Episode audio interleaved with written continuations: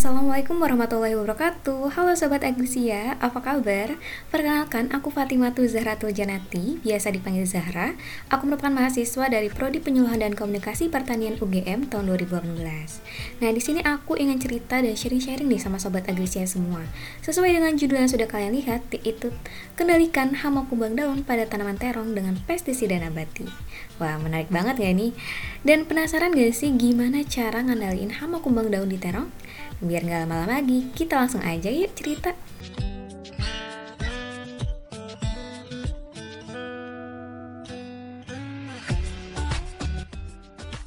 Selama masa pandemi ini kadang bingung gak sih mau ngapain di rumah selain belajar dan beberes rumah?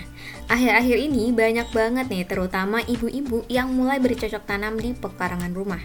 Mulai dari menanam cabai, bayam, kangkung, terong, dan tanaman hortikultura lainnya. Ibu kamu termasuk juga nggak nih? Ibuku termasuk salah satu dari ibu-ibu di Indonesia yang ikut menanam tanaman sayuran di pekarangan rumah.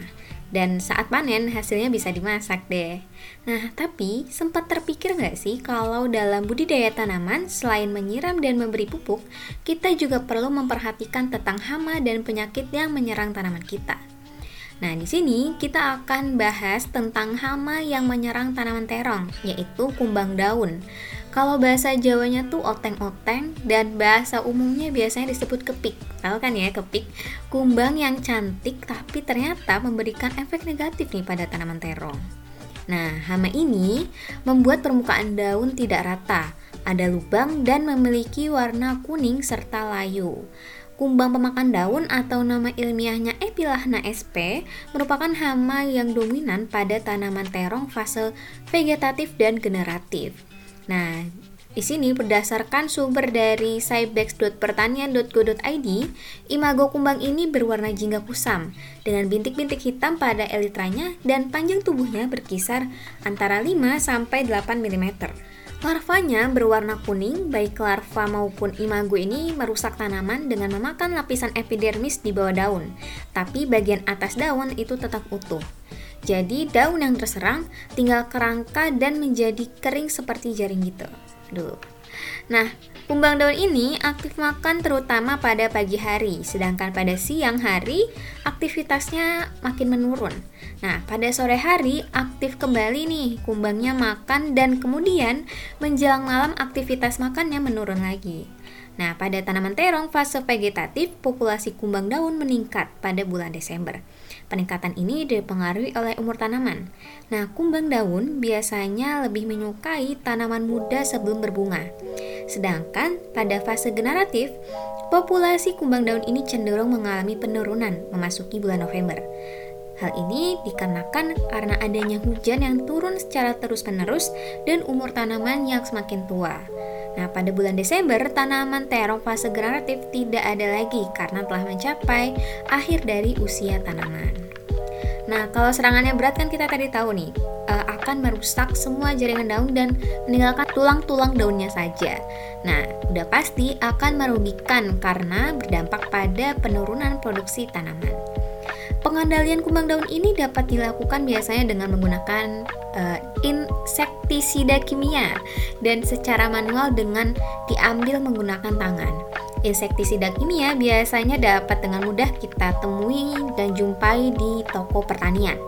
Eh, tapi kalian tahu gak sih kalau penggunaan pestisida sintesis atau insektisida sintesis dapat berdampak besar terhadap lingkungan maupun hama non-target. Dampak negatif terhadap organisme non-target meliputi dampak terhadap lingkungan berupa pencemaran dan menimbulkan keracunan, bahkan dapat menimbulkan kematian bagi manusia. Wah, ternyata agak serem juga ya menimbulkan kematian bagi manusia nih. Nah, terus kita bakal bertanya-tanya gak sih, Gimana? Terus gimana sih caranya mengendalikan si kepik ini pada terong?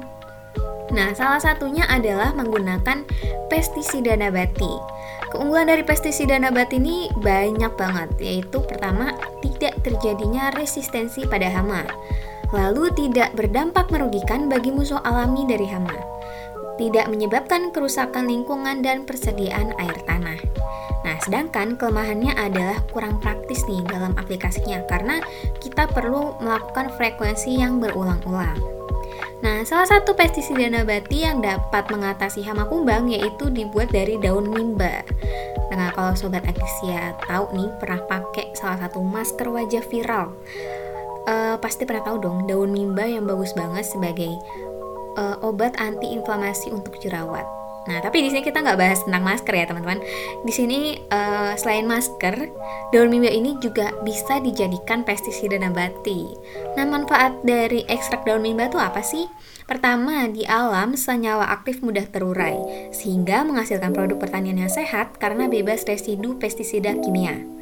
Lalu yang kedua, murah dan mudah dibuat oleh petani tidak menyebabkan keracunan pada tanaman, sulit menimbulkan kekebalan terhadap hama. Kompatibel digabung dengan cara pengendalian yang lainnya. Hmm, bagus banget nih ternyata. Daun mimba juga merupakan tumbuhan liar di hutan dan di tempat lain yang tanahnya agak tandus. Ada juga yang ditanam orang di tepi-tepi jalan sebagai pohon perindang. Nah, banyak juga terdapat di daerah Jawa Barat, Jawa Timur maupun Madura. Nah, jadi umumnya daun mimba ini berada di tempat sangat kering di pinggir jalan maupun di hutan yang terbuka. Nah, kalau mau tahu nih cara pembuatannya, bisa teman-teman atau sobat agrisia mencatat nih atau bisa mendengarkan ulang lagi nanti setelah aku menjelaskan. Cara buatnya juga cukup mudah loh sobat agrisia kalau teman-teman tahu di sini pertama ada alat dan bahan yang diperlukan. Ada 1 kg daun mimba, deterjen, ada 10 liter air, kain halus, ember dan semprotan. Nah, langkah pertama yaitu 1 kg daun mimba ditumbuk sampai halus, lalu direndam serbuk tersebut dalam 10 liter air dan ditunggu selama semalaman. Aduk sampai rata, kemudian saring dengan menggunakan kain halus. Setelah itu, larutan siap disemprotkan ke tanaman. Bisa juga ditambahkan deterjen sebanyak 1 gram per liter sebagai pengemulsi. Nah, cukup mudah kan pembuatannya? Bisa nih Sobat Agrisia coba di rumah masing-masing. Nah, gimana nih penjelasan tadi? Cukup menarik perhatian teman-teman gak nih? Kayak, duh aku mau nih uh, mengatasi kumbang daun pada tanamanku. Nah, kalau kalian sudah tertarik membuatnya, yuk kita sama-sama buat di rumah masing-masing untuk mengendalikan hama kumbang daun atau oteng-oteng yang menyerang tanaman terong maupun tanaman hortikultura lain. Wah, nggak terasa nih, kita sudah sampai di penghujung cerita. Semoga sharing-sharing tadi dapat menjadi ilmu yang bermanfaat ya bagi teman-teman semua dan dapat membantu Sobat Agrisia dalam mengendalikan hama kumbang daun.